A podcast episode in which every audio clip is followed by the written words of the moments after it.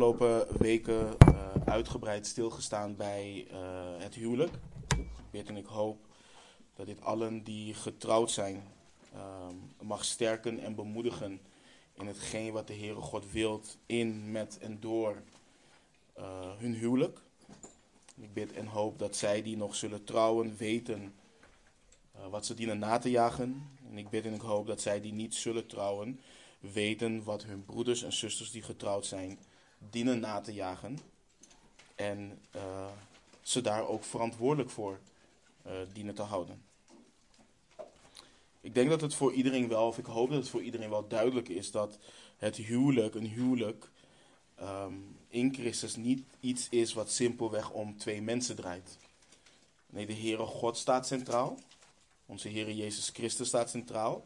En het leven wat wij in Hem leven, leven we niet geïsoleerd. We leven dat in gemeenschap met elkaar.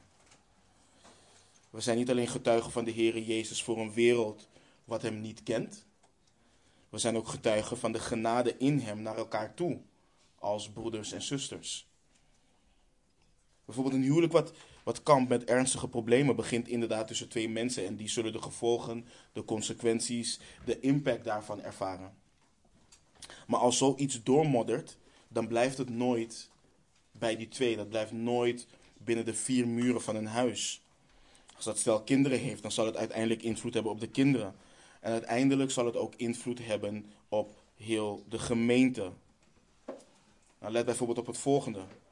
Een persoon in de gemeente die in zonde leeft, wat doen we daarmee? Die wijzen we in liefde en in zachtmoedigheid terecht. Je hoopt dat die persoon zich bekeert.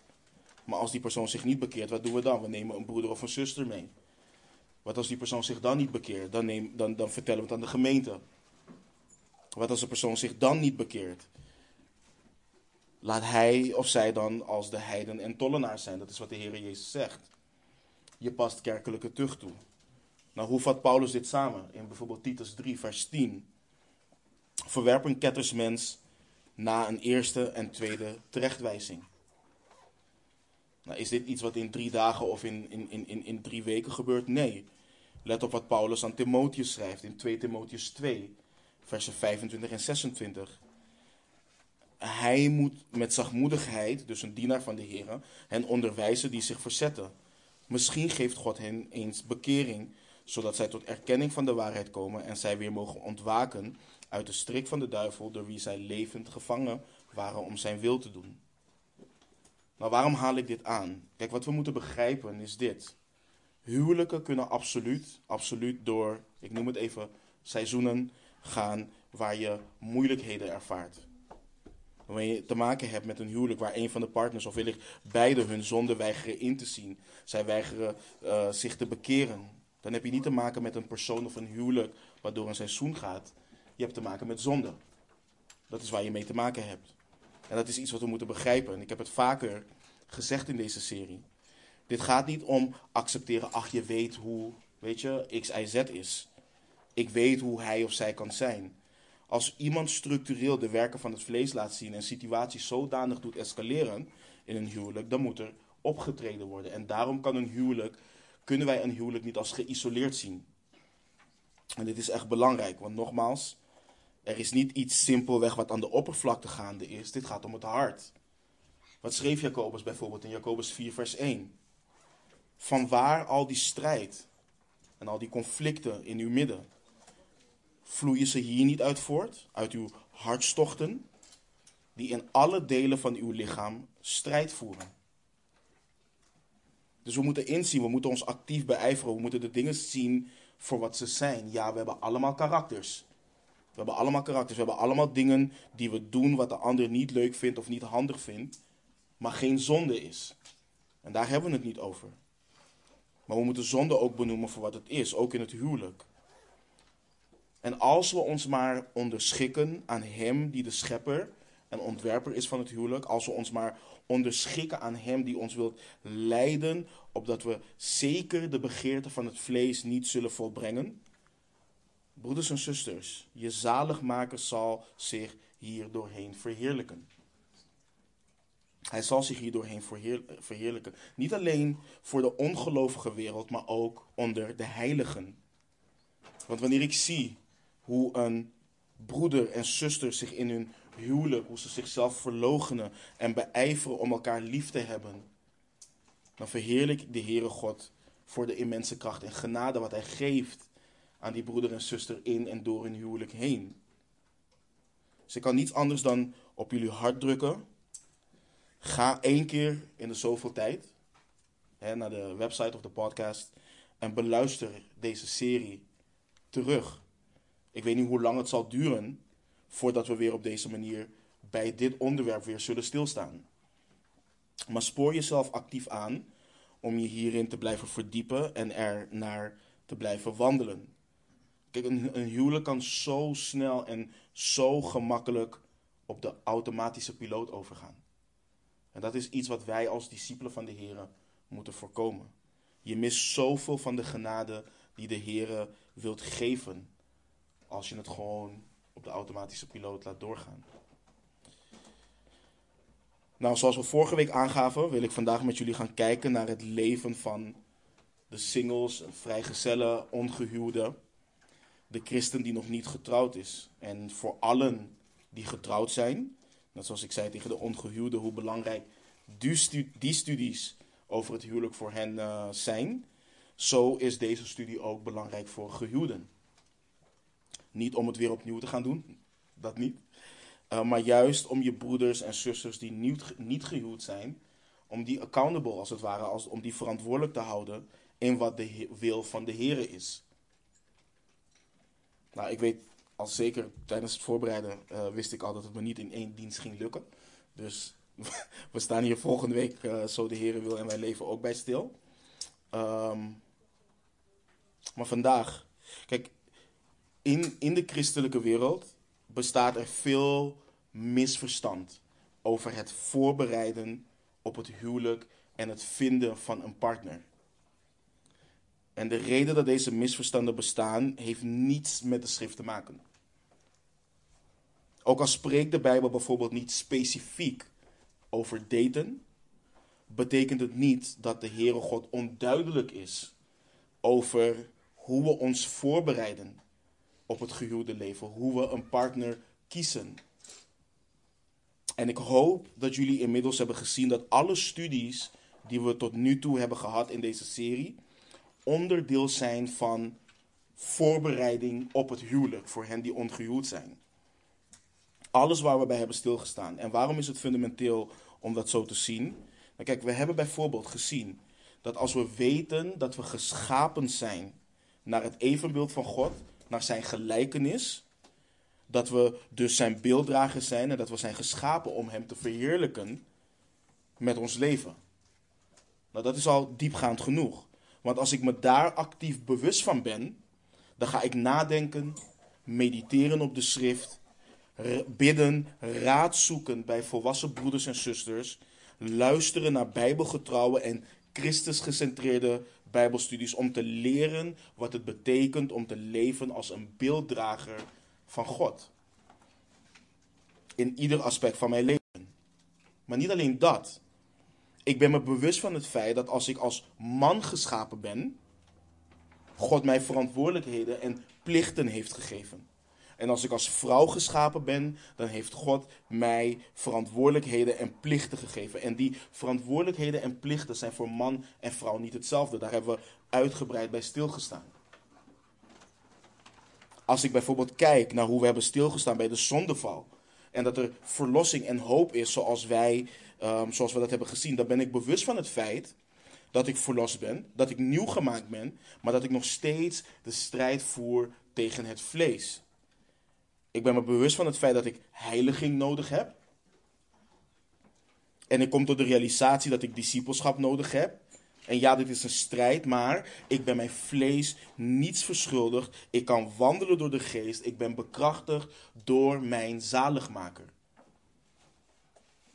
En als ik kijk naar de vierde studie, de vrezen des Heren, dan dat ik dien te wandelen, dien te leven in en met eerbiedig ontzag voor mijn God. Ja, hij is mijn vader. Hij is mijn verlosser. Hij is liefde. Hij is genadig. Hij is barmhartig. Maar dat ik ook besef dat hij heilig is en dat ik niet wil zondigen tegen hem. Hij wil dat ik heilig leef zoals hij heilig is.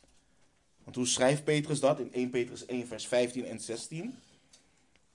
Maar zoals hij die u geroepen heeft, heilig is, wordt zo ook zelf heilig in heel uw levenswandel. Want er staat geschreven: Wees heilig, want ik ben heilig. Dus broeders en zusters, dit is al heel veel voorbereiding op het huwelijk. Dit is al immens veel voorbereiding op het huwelijk. Dit gaat namelijk om het hart, om je wandel als discipel. En deze wandel, die gaat gewoon door in je huwelijk. Velen maken helaas de vergissing dat voorbereiding op het huwelijk een paar weken of een paar maanden zitten is met een ouderling en met zijn vrouw. Ik denk dat mensen een te hoge pet hebben van ouderlingen. Want wat kan een ouderling in weken, maanden veranderen als iemand zich nooit beijvert heeft te wandelen zoals hij of zij dient te wandelen? En begrijp me niet verkeerd, God werkt met kracht door zijn woord heen. En dat is ook de hoop die wij hebben als ouderlingen, dat de tijd zo vruchtbaar mag zijn dat er verandering komt in het denken. Iemand als het ware geestelijk ontwaakt en Christus zo gaat navolgen. Maar vergis je niet, voorbereiden op het huwelijk doe je je hele leven tot het moment dat je gaat trouwen. En dan nog is het een continu werk, een continu proces van heiliging wat de Heere God doet. Nu al leer ik mijn dochters door ons eigen huwelijk heen hoe zij zich dienen voor te bereiden op het huwelijk. Maar ook door de alledaagse dingen van het leven. Als je zus of je zusje vervelend tegen je doet, als zij heeft gezondigd, is het dan goed en rechtvaardig om toornig te worden? Dat is een, een vraag om te stellen. Is het rechtvaardig om tegen elkaar te gaan lopen schreeuwen dan? Straks werk je ergens. En zal iemand ook zondigen tegen je. Straks ben je getrouwd. Zal je partner ook zondigen tegen je. Hij is niet perfect. Als je nu al niet leert om in zelfbeheersing je zus of je zusje te corrigeren, als je nu al niet leert als beleidende christen de zonde te, te bedekken onder de mantel der liefde, hoe denk je dat dan straks te gaan doen in je huwelijk? Als dit straks helemaal verweven zit in wie je bent en in hoe je bent. Zie je mama en papa tegen elkaar schreeuwen? Hoor je dat? Nee, want dat doen we niet. Mama en papa praten dingen uit. En nu al leer ik, leren wijzen hoe ze zich daarop dienen voor te bereiden. Ieder moment, ieder, iedere situatie. Maar dat is een topic voor opvoeding wat we hierna gaan doen. Het punt is om aan te geven dat het een levenslang werk is. Een levenslang werk van voorbereiding waar je niet vroeg genoeg mee kunt beginnen. Maar praktisch. Wat doen we dan praktisch? Hoe moeten we kijken als mensen die vrijgezel zijn naar dit alles, die ongehuwd zijn? Nou, laten we beginnen met het volgende. Ik, ik, en ik hoop dat deze studie echt een bemoediging is en veel onnodige misverstanden uit de weg helpt. En daar waar nodig ook het, het, denken hernieuwt. Ik wil als eerste vandaag met jullie gaan kijken naar de zegen van het alleen zijn. De zegen van het alleen zijn. En daarmee wil ik dus zeggen, ongehuwd zijn, vrijgezel zijn, is geen straf. Het is geen vloek. Velen die vrijgezel zijn en het verlangen hebben naar een partner, vinden dit vaak niet leuk of een domper om te horen. Makkelijk gezegd door iemand die al getrouwd is, of makkelijk gezegd door iemand die al op leeftijd is en dit, of dit verlangen helemaal niet heeft. Maar dat is geen goede houding. Ga in je Bijbel alsjeblieft naar 1 Korinthe 7. Een wel, wel bekend hoofdstuk. Natuurlijk aangaande dit thema ook. Ik wil vers 1 tot en met 9 uh, eh, lezen. Ik heb hem niet op het scherm. We gaan hem niet vers voor vers ontleden. Dat laat ik aan Ivan uh, over voor op de woensdag. 1 Korinthe 7. Dan lezen we vers 1 tot en met 9. We zullen zo ook nog andere gedeelten lezen uh, uit 1 Korinthe 7. Maar wat lezen, we, wat lezen we hier? Wat nu de dingen betreft waarover u mij geschreven hebt het is goed voor een mens om geen vrouw aan te raken. Maar laat vanwege allerlei vormen van hoererij iedere man zijn eigen vrouw hebben en iedere vrouw haar eigen man. Laat de man aan zijn vrouw de verschuldigde bereidwilligheid tonen en evenzo ook de vrouw aan haar man. De vrouw heeft niet de beschikking over haar eigen lichaam, maar de man. En evenzo heeft ook de man niet de beschikking over zijn eigen lichaam, maar de vrouw. Onttrek u niet aan elkaar, behalve dan met onderling goedvinden voor een bepaalde tijd, om u te wijden aan vasten en bidden.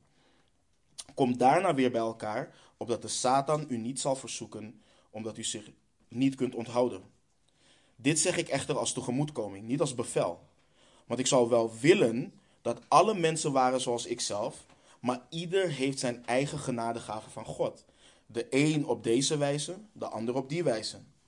Maar ik zeg tegen de ongehuwden en, en de weduwe: het is goed voor hen als zij blijven zoals ik. Maar als zij zich niet kunnen beheersen, laten zij dan trouwen. Want het is beter te trouwen dan van begeerte te branden. Tot zover. Nou, laten we het eerste, het eerste wat velen verkeerd zien tackelen. Het misverstand over de gave van ongehuwd blijven. Ergens in de geschiedenis van de kerk is de gedachte ontstaan dat een celibaatleven, een leven waarin je je dus compleet onthoudt van, van huwelijk en dus ook van gemeenschap, een gave van de Heer is. Men zegt als je het verlangen hebt om te trouwen, dan heb je die gave niet.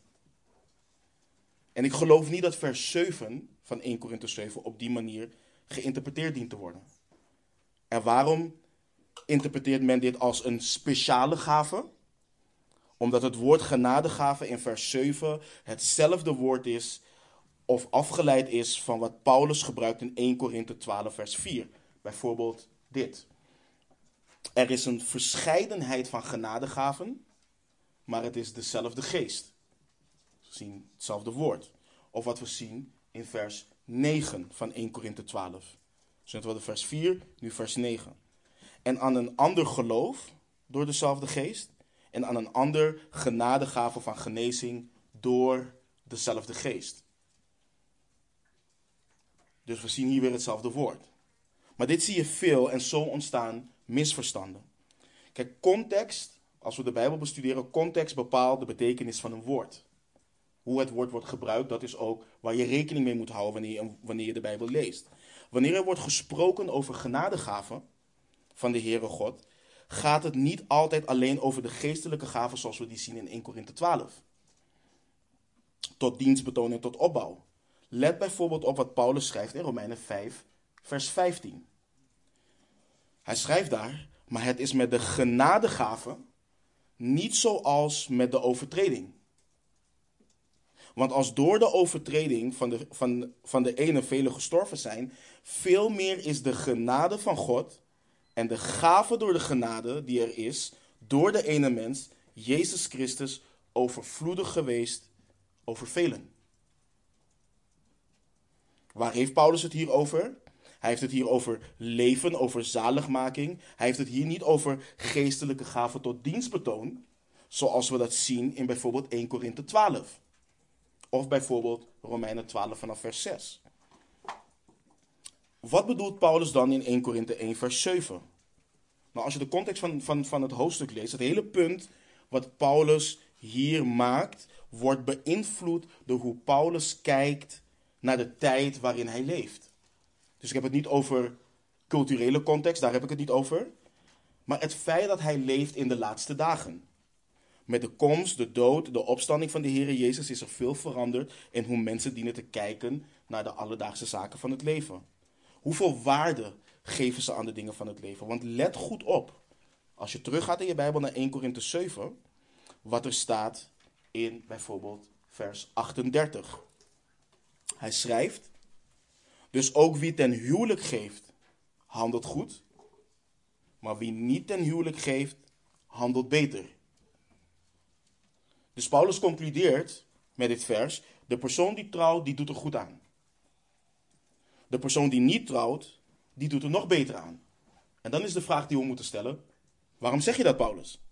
Waarom staat dat er? En nu komt het. Ga terug naar vers 29 van 1 Korinthe 7. En dan lezen we tot vers 33.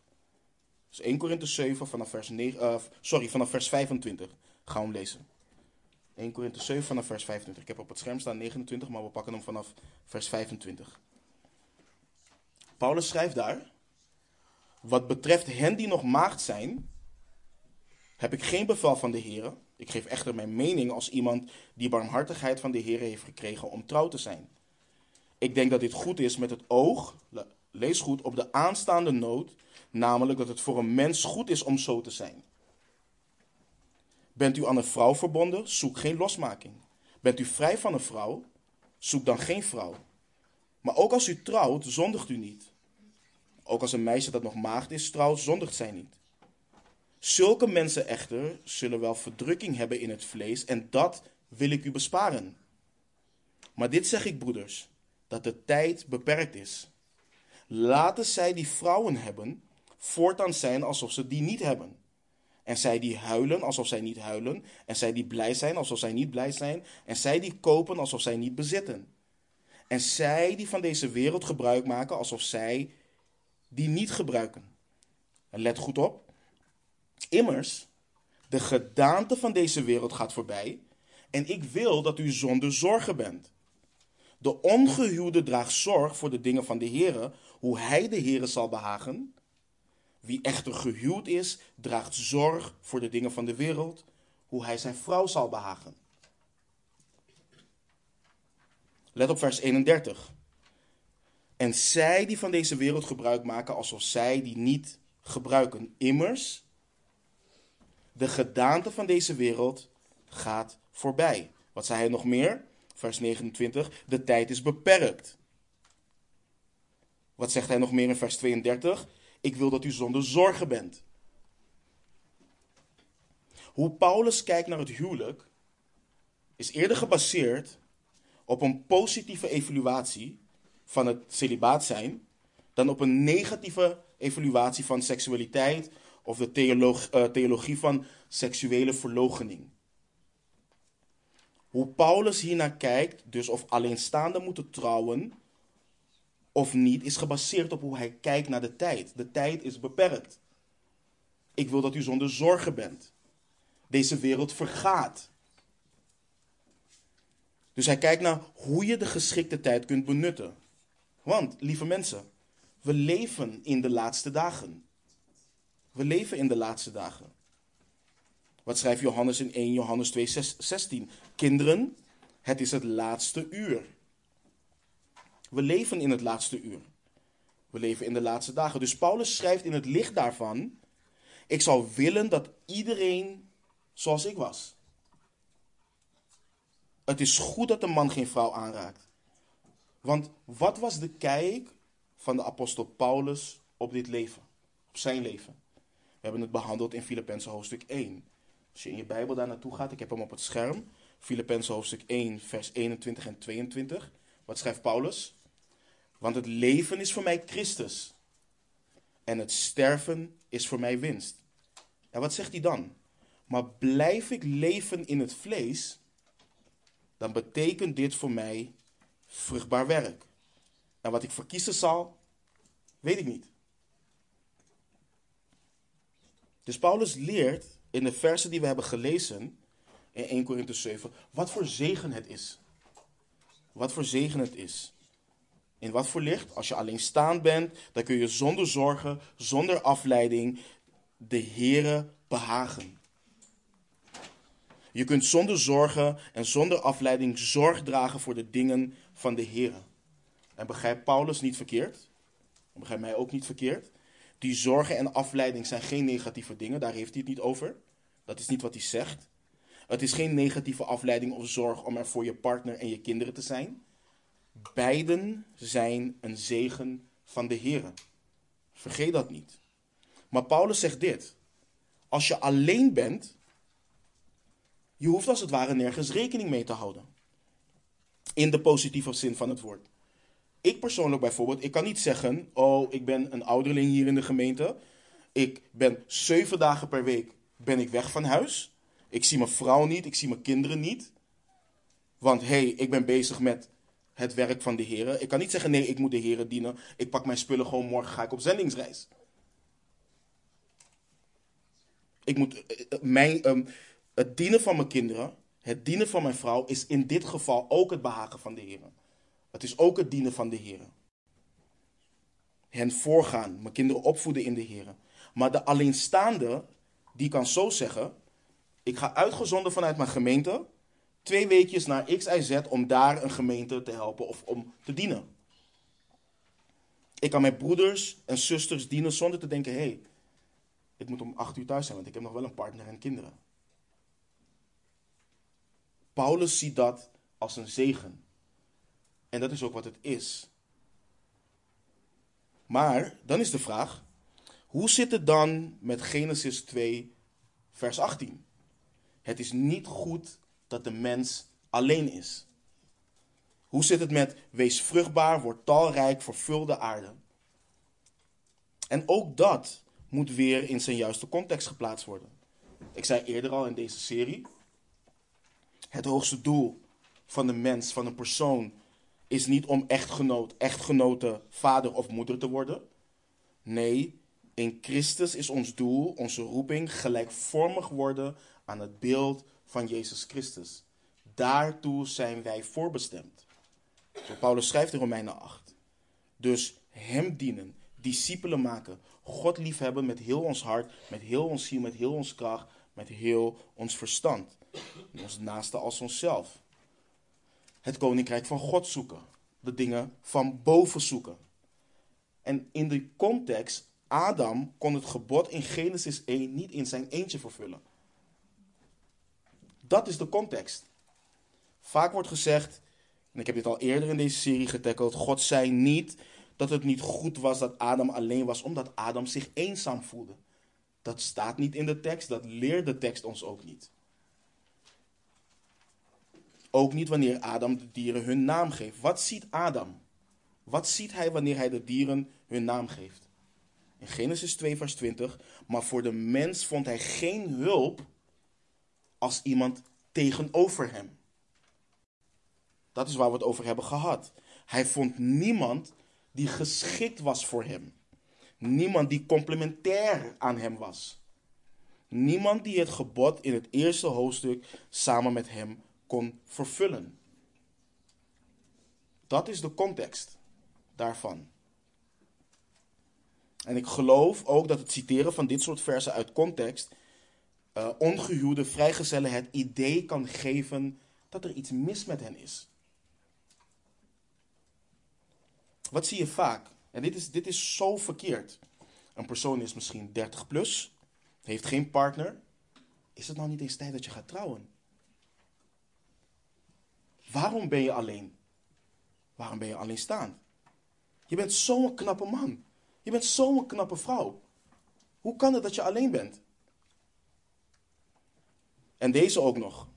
Vrouwen krijgen deze vaak en ik heb daar echt veel moeite mee. Je biologische klok tikt wel, hè? Zou je nou even opschieten? Dat is zo fout. Het is zo fout. Je geeft een vrouw het idee dat er iets mis met haar is. En we doen dat al vanaf kleins af aan.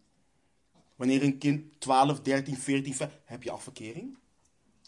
Heb je al jongetjes die naar je kijken of meisjes die naar je kijken? Vanaf kleins af aan doen we dat. En wanneer ze oud genoeg zijn en ze nog geen partner hebben, dan geven ze het idee: iets is niet goed met jou. Je bent al 30 plus en je bent nog niet getrouwd. Hoe kan dat? We handelen net zoals de Joden handelden in hun tijd en cultuur. Alsof het een schande is als je niet getrouwd bent. Alsof het een schande is als je geen kinderen hebt. Terwijl Paulus, en daar gaan we voorbij aan. Want we citeren dan wel Genesis 2. Maar dan gaan we voorbij aan het feit dat 1 Korinthe 7 ook in de schrift staat. Waar Paulus een prachtig punt maakt. Het is een zegen om als hem te zijn. Dien de Heer, verheug je in hem, wees verzadigd in hem. Maar dat stukje laten we volledig weg. Dat is een andere vraag die we moeten tackelen. Betekent dit dat zodra je een verlangen hebt, want we hebben het over verzadigd zijn in hem nu. Betekent dit dat zodra je een verlangen hebt, je niet verzadigd bent in de Heer? En nee, dat is niet wat het betekent. Kijk, laat geen enkele beleidende discipel die vroom wilt klinken en zaken wilt overgeestelijken, je wijsmaken als ongehuwde dat je als discipel van de Heer geen goddelijke verlangens kunt hebben, zoals trouwen. Alsof dat verkeerd is. Het is niet omdat je het verlangen hebt om te trouwen dat je niet verzadigd bent. Wanneer ben je dan niet verzadigd en content? Want dat bestaat wel. Dat is dat als je het gevoel en toegeeft aan het idee van incompleet zijn zonder een partner. Het gevoel van niet vervuld zijn. Het gevoel van niet tevreden kunnen zijn. Het alleen zijn zien als een vloek. Het gevoel en het idee dat je Christus pas kunt dienen wanneer je hetgeen ontvangen hebt waar je zo naar verlangt. Dan ben je incontent en dan ben je niet verzadigd. Ik weet niet of incontent een woord is, maar ik wilde zeggen niet content. In Christus. En daarmee bedoel ik niet de dingen die we hebben, maar Hemzelf. In Hem. Hemzelf. In Hem hebben we alles wat we nodig hebben in het leven als discipel. In Hem hebben we dat. Hij is toereikend. Maar broeders en zusters, onthoud het volgende. En dit is zo belangrijk. Kijk, als je niet content en niet verzadigd bent in en met de gever, dan zul je dat ook niet zijn met de gave. Als je niet content en verzadigd bent met de gever, dan zul je nooit content zijn met de gave. Nogmaals, als Jezus Christus niet toereikend is, dan zal niets toereikend zijn. Want Hij is alles. In Hem ben je compleet. In Hem ben je volmaakt. Let op wat Paulus schrijft aan de heiligen in Colosse, in Colossense 2. Ehm, We lezen dan vanaf vers 6. Zoals u dan Christus, Jezus, de Heere hebt aangenomen, wandel in Hem, geworteld en opgebouwd in Hem, en bevestigd in het geloof, zoals u onderwezen bent. Wees daarin overvloedig met dankzegging. Pas op dat niemand u als buit meesleept door de filosofie en inhoudsloze verleiding, volgens de overlevering van de mensen, volgens de grondbeginselen van de wereld, maar niet volgens Christus. En, en dan wilt, u hen, wilt hij hen duidelijk maken waarom, en dat is zo prachtig aan Colossense. Als je Colossense hoofdstuk 1 leest, Colossense hoofdstuk 1 zit vol, vol met in hem, tot hem, van hem. Het draait om hem. Dat is wat Paulus continu doet. Christus is toereikend. En wat zie je dan in vers uh, ehm, 9? Want in hem woont heel de volheid van de Godheid lichamelijk. En u bent volmaakt geworden in hem. Die het hoofd is van iedere overheid en macht. En sommigen hebben het omgekeerd. Als ik de verlangens van mijn hart heb, dan ben ik volmaakt. Als ik de verlangens van mijn hart heb, dan kan ik Christus dienen. Dan kan ik vreugde in Hem hebben. Maar de psalmist leert in Psalm 37, vers 4: Schep vreugde in de Heer. Doe dat eerst. Doe dat continu. Schep vreugde in de Heer. Dan zal Hij u geven wat uw hart verlangt.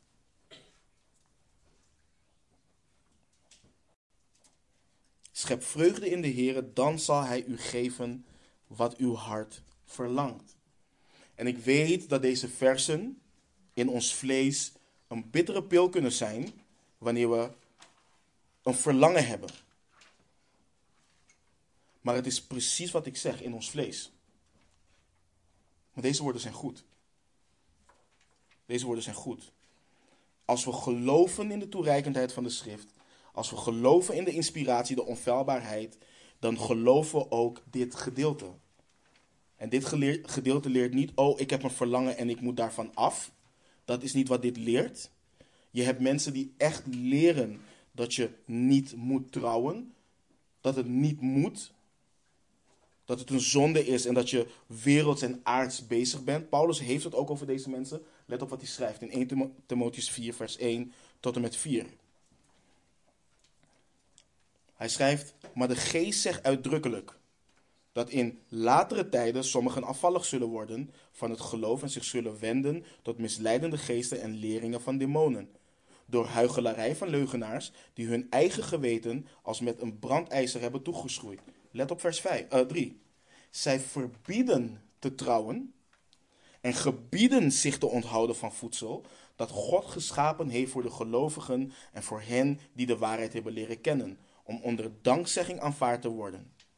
Want alles wat God geschapen heeft is goed en niets is verwerpelijk, wanneer het onder dankzegging aanvaard wordt. En vandaag de dag zijn er oprecht mensen die zeggen: Christus komt als een dief in de nacht. Wat ben je bezig met trouwen? Wat ben je bezig met kinderen? Wat ben je bezig met kleinkinderen? Wat ben je bezig met X, Y, Z? En Paulus noemt deze mensen leugenaars. Dus die mensen die zeggen: nee, nee, nee, je moet niet trouwen. Want Christus kan ieder moment terugkomen. Je moet niet trouwen. Paulus zegt: nee, deze mensen zijn leugenaars. Hij zegt: dit komt van misleidende geesten en zijn leringen van demonen. Deze mensen die dit leren hebben hun geweten als met een brandijzer toegeschroeid. Dus broeders en zusters, het verlangen om te trouwen. Het verlangen om te trouwen is geen zonde. Het is geen zonde. Leg jezelf alsjeblieft geen juk op. Wandel niet met de gedachte: oh, ik ben compleet in Christus, dus ik mag niks verlangen. Dat is niet wat de Bijbel leert. Oh, ik verlang naar iets goeds, er is iets mis met me. Nee, willen trouwen is geen zonde. We weten wat het beeld van het huwelijk is. We weten waar het op wijst. Het alleen zijn is ook geen zonde. Het is een zegen zoals de apostel Paulus dat leert. Denk niet, en dit is zo belangrijk, denk niet dat je Christus pas kunt dienen zoals hij dat wilt wanneer je getrouwd bent. Je bent niet incompleet. Je bent volmaakt in hem. En verlogende gedachten. Ja, maar Joe, luister, het is makkelijk voor jou om te zeggen: jij onderwijst hier en je bent getrouwd en je hebt twee kinderen en al dat soort dingen. En ik ben degene die hier zit met het verlangen. Nee, luister naar de woorden van de Heere God. Dat is belangrijk. Luister naar zijn woorden. Het is een zegen, dus zie het ongehuwd zijn tot het moment dat je getrouwd bent. Of als je niet zou trouwen ook, maar zie het als een zegen waarin je hem volledig kunt dienen zoals hij dat wilt. Zonder afleiding, zonder zorgen en noem maar op. Oké, laten we zeggen dat je de zegen van het alleen zijn inziet, zoals de schrift dat leert. Je wilt je daarin beijveren. Je hebt jezelf geen juk opgelegd en verloochent niet de verlangens om te trouwen. Je gaat hem dienen zoals de apostel Paulus schrijft, maar er is iets waar je mee te maken krijgt, wat een belangrijke waarschuwing is. Het vergt, vergt werkzaamheid. Paulus schrijft 1 Korinthe 7 vers 9, of vers 9, maar als zij zich niet kunnen beheersen, laten zij dan trouwen. Want het is beter te trouwen dan van begeerte te branden. Er is iets waar te weinig openlijk over wordt gesproken in de kerk en actief in gediscipeld wordt. En dat is de strijd tegen lust en het najagen van seksuele reinheid. Het, het, er heerst een taboe op, als het ware. En ik heb vaker al gezegd, veel mensen doen alsof gemeenschap iets is wat van de vijand is. Nee, de Heere God heeft dat gegeven. Binnen de context van het huwelijk. Het is iets goeds. Dus we hoeven daar, niet, we hoeven daar geen taboe van te maken. Maar de kerk spreekt daar veel te weinig over. En we hebben het vandaag over uh, ongehuwden, over singles. Maar dit is ook in de bredere context belangrijk, ook binnen het huwelijk. Kijk, de illusie kan ontstaan dat wanneer je getrouwd bent, je opeens verlost bent van alle vormen van lust. Dat is niet waar. Ook getrouwde mannen en vrouwen dienen dit actief na te jagen. Die dienen actief hier tegen te strijden. Maar nogmaals, vandaag hebben we het over de singles. Kijk, de gedachte kan heersen bij singles dat als zij begeren en niet handelen, dat oké is. Kijken mag, fantaseren mag, aanraken niet. Dat is een gedachte die verlogen dient te worden. Let op wat de Heer Jezus zegt. Matthäus 5, vers 28 tot en met 29. Maar ik zeg u dat al wie naar een vrouw kijkt om haar te begeren, in zijn hart al overspel met haar gepleegd heeft.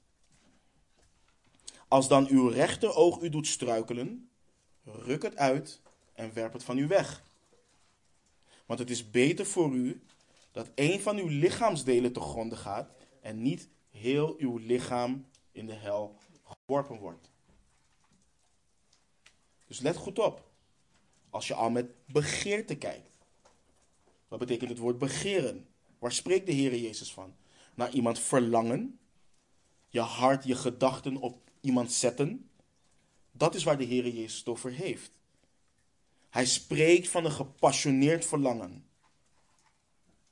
En discipelen die singles zijn, want ik heb het nu over singles, die moeten hun hart actief beschermen tegen lust. En vooral wanneer het verlangen bestaat om te trouwen. Die dienen actief te strijden tegen lust. En we moeten lust goed definiëren. Dit is zo belangrijk. Vaak wordt lust gedefinieerd door de, lens, door de lens van mannelijke lust alleen. Dit is iets waar mannen mee kampen. En ja, er zijn ook vrouwen die er op die manier mee kampen, maar de man staat daar bekend om.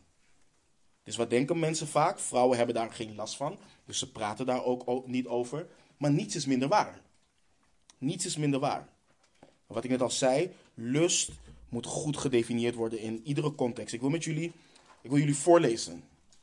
Ehm, iets uit, uit 2016, uit een blad, uit een Amerikaans blad. Dit artikel ging over een trend wat opkomend was toen in de uh, porno-industrie. In dit artikel interviewde zij een vrouwelijke regisseur die geïrriteerd was over het feit dat pornografie vooral werd gemaakt voor mannen. Dus wat ging zij doen?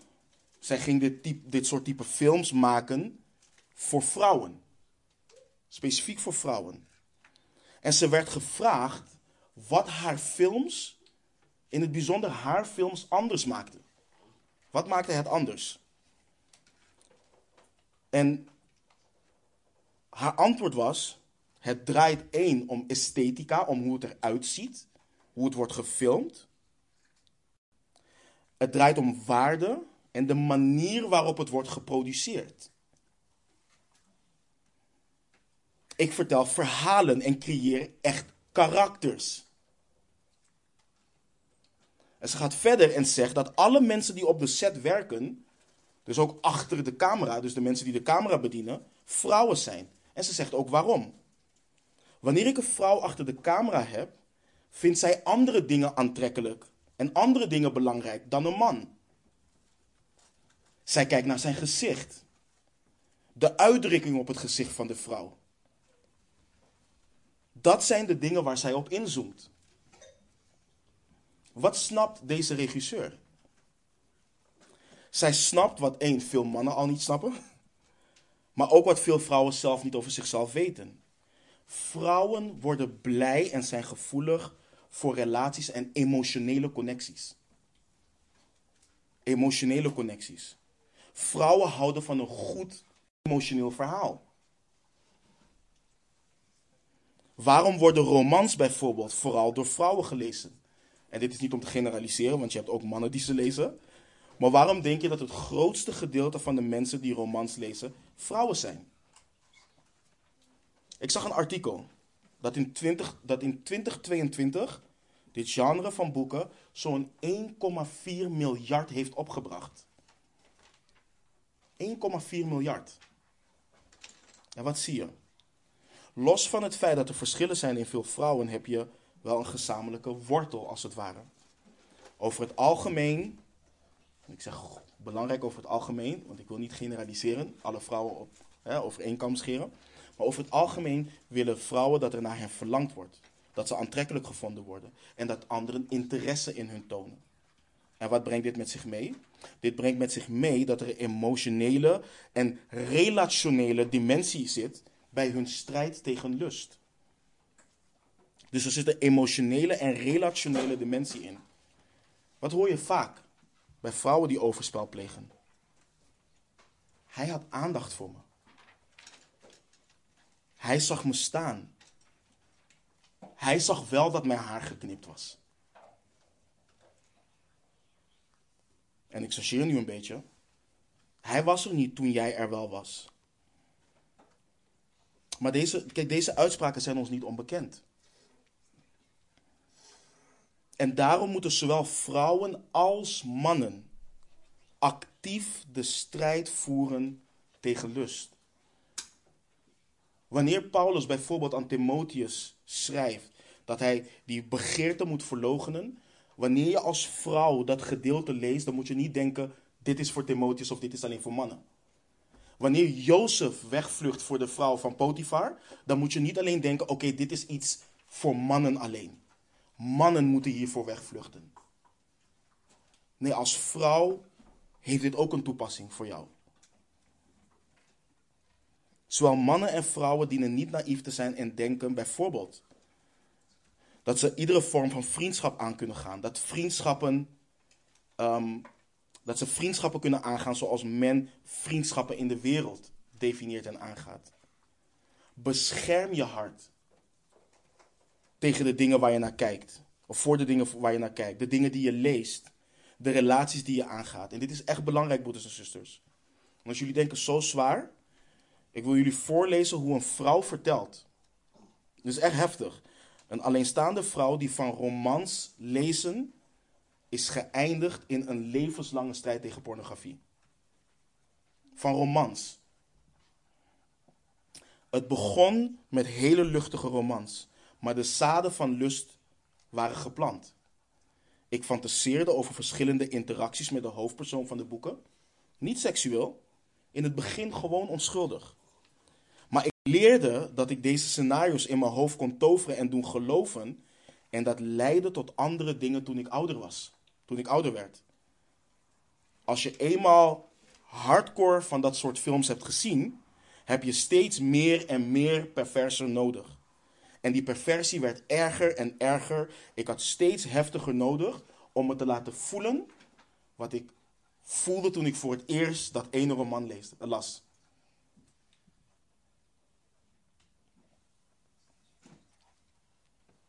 Dat is hetzelfde ook met drugs. Dat is waarom ze verslaafd. Ze willen die ene high die ze de eerste keer ervaarden. Dat is waar ze weer naar op zoek zijn. En daarom moet iedere shot heftiger. Iedere lijn moet heftiger. En dat is hetzelfde met lust. Het wordt alleen maar erger. Iedere discipel dient te waken dat zij zichzelf, en ik heb het vooral over de ongehuwden, ook de gehuwden, maar nu over de ongehuwden, iedere discipel dient te waken dat zij zichzelf niet in de positie zetten om in verleiding te komen. En ik zeg bewust verleiding. Die verleiding kan voor iedere discipel anders zijn, maar dit is zo belangrijk. Speel niet met verleiding.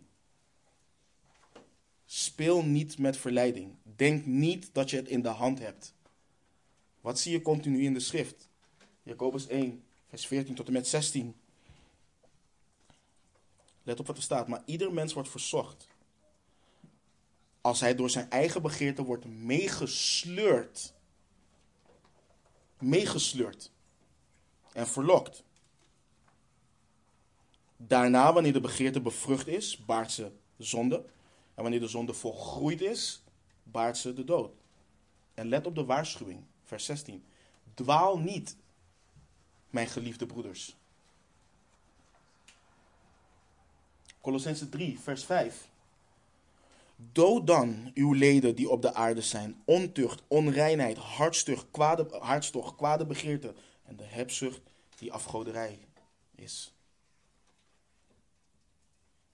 Wat zegt Paulus aan de Corinthiërs in 1 Korinthe 6, vers 18? Vlucht weg van de hoererij. Rennen voor weg. Elke zonde die een mens doet is buiten het lichaam, maar wie hoererij bedrijft, zondigt tegen zijn eigen lichaam. En het vers waar ik net over had met Timotheus, 2 Timotheus 2, vers 22. Maar ontvlucht de begeerte van de jeugd. Wat moet je daarin tegen doen? Jaag rechtvaardigheid, geloof, liefde en vrede na, samen met hen die de Heer aanroepen uit de reine hart.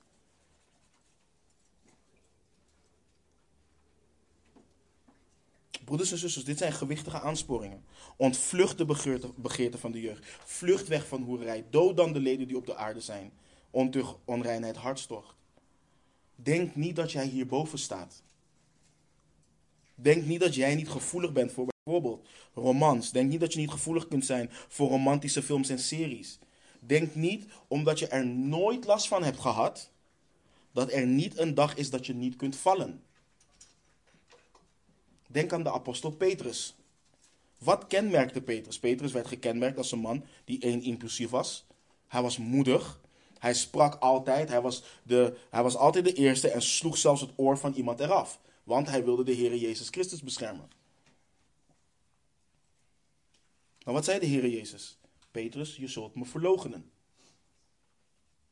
Wat zei Petrus? Al zouden zij ook allen aanstoot aan u nemen, ik zal nooit aanstoot aan u nemen. De Heere Jezus zegt hem: Voorwaar, ik zeg u dat u in deze nacht, voordat de haan gekraaid zal hebben, mij driemaal zult verloochenen. Kun je beseffen? Je hebt zo lang gewandeld met de Heer Jezus. Je weet dat Hij alles weet. Je hebt zelfs beleden, u bent de Christus, u bent de Zoon van de levende God. Je, hebt dat beleden. Niet Johannes, Petrus. De Heer Jezus waarschuwt hem. Petrus zei tegen hem, al moest ik ook met u sterven, ik zal u beslist niet verloochenen. Hetzelfde zeiden ook al de discipelen. Dus als je Petrus zou kennen, dan zou je nooit denken: ah, dit, is een, dit is iemand die, uh, die de Heer drie keer gaat verloochenen voor een dienstmeisje. Dat zou je nooit denken. Je zou eerder denken: nee, Heer, laat mij aan het kruis gaan. Maar hij verloochent hem. En dit is niet om hem te bashen en, en, en, en beschamen. Dit is om echt te laten zien: de geest is gewillig, maar het vlees is zwak. Het vlees is zwak. En de zwakheid van het vlees betekent niet dat het vlees sluimert. Het betekent in het vlees kun je niet doen wat je moet doen om de Heer te gehoorzamen. Wat zei de Heer Jezus? Waak en bid. Waak en bid. Daarom, als je worstelt met lust, is het niet alleen de momenten dat het komt opspelen dat je er tegen moet vechten. Dit is een strijd wat je continu moet blijven voeren. Ook wanneer het goed gaat. Heer, dank u voor uw genade dat ik daar niet aan toegeef. Dank u voor uw genade dat ik niet de begeerte heb. Wilt u mij blijven bewaken? Dat zijn de dingen die we moeten doen. Je kan zes maanden, zeven maanden, een jaar gaan. Zonder dat je ook maar één keer geconfronteerd bent daarmee. En dan opeens struikel je. Alleen wanneer we wandelen door de geest, alleen dan zullen we de begeerte van het vlees niet volbrengen. Alleen dan. Nogmaals, bewaak je hart in hetgeen waar je naar kijkt. Bewaak je hart in hetgeen waar je naar luistert. En bewaak je hart ook in je omgang met het tegenovergestelde geslacht. Houd gepaste afstand. Houd gepaste relatie. Het is belangrijk voor ons als discipelen van de Heer om te beseffen dat wij niet spreken van vriendschappen in het lichaam van Christus zoals de wereld dat doet. Je moet Ivan de Laan eens vragen. We hadden een keer een super interessant gesprek over hoe wij als discipelen naar vriendschappen kijken binnen het lichaam van Christus. Wij zijn geen vrienden van elkaar in de wereldse zin van vrienden. Wij zijn broeders en zusters van elkaar, verenigd door het geloof en in het geloof. Dit is een band wat iedere aardse vorm van uh, vriendschap overstijgt. Maar ook gepaste en gezonde verantwoordelijkheden met zich meebrengt in hoe we met elkaar omgaan als broeders en zusters. En laten we vooral het volgende goed begrijpen. Hier, kijk, we, we, zijn niet dogmatisch en legalistisch hierover. Dit gaat niet zozeer over beperkingen. Maar dit gaat over bescherming. Daar gaat dit over. Dit gaat over bescherming. Je dient jezelf te behoeden en beschermen tegen struikelen en vallen. Maar je dient jezelf niet alleen te beschermen en niet alleen jezelf te beschermen en hoeden. Je dient ook een ander te beschermen en te behoeden. Daarom ook belangrijk, met wie ga je om? Waar kom je? In welke kringen beweeg je je? Dat zijn allemaal belangrijke dingen om over na te denken.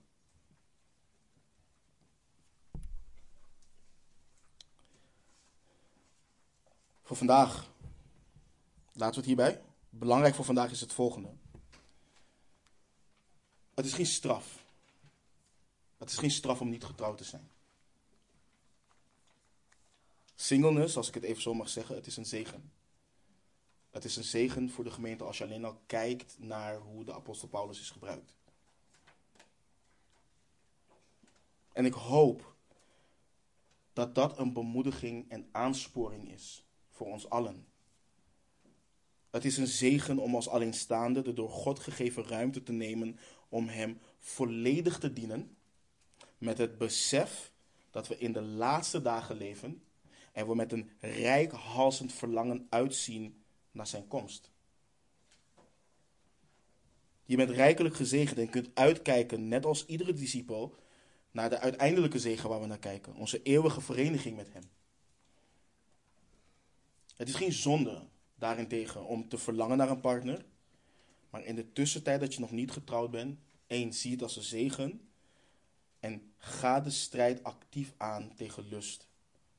En bewaar jezelf rein in de Heer. De auteur van Hebreeën schrijft ook in Hebreeën 13, vers 4. Laat het huwelijk bij allen in ere zijn en het huwelijksbed onbevlekt.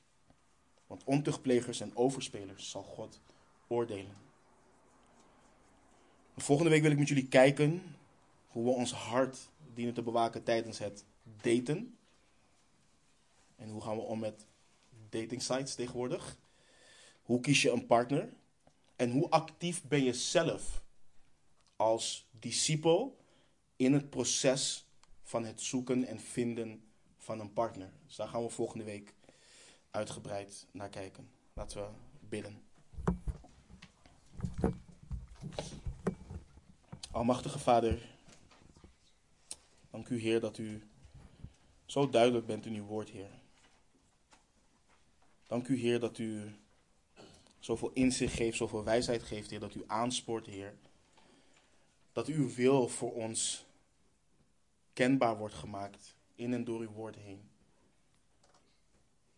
Vader, zoals ik al zei tijdens uh, de studie, Heer, Soms kan het verlangen zo sterk zijn dat we de zegen kunnen missen, dat we kunnen vergeten, Heer, wat u allemaal geeft en doet in de periode dat we nog niet getrouwd zijn.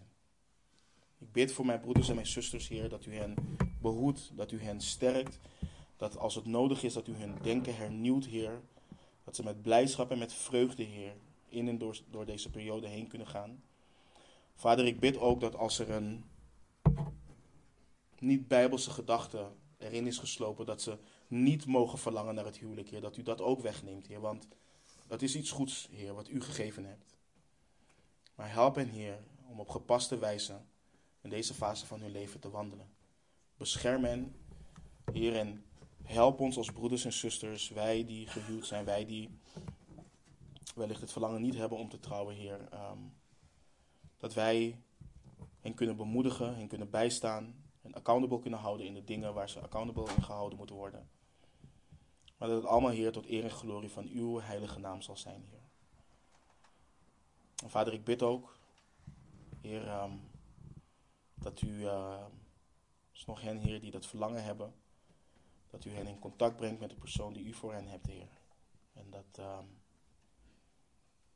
ja, dat ze mogen genieten van, uh, van het huwelijk, Heer, als u, uh, als u hen dat zo geeft, Heer. We danken u we loven u, we prijzen u, Heer. In naam van Jezus Christus, onze Heer. Amen.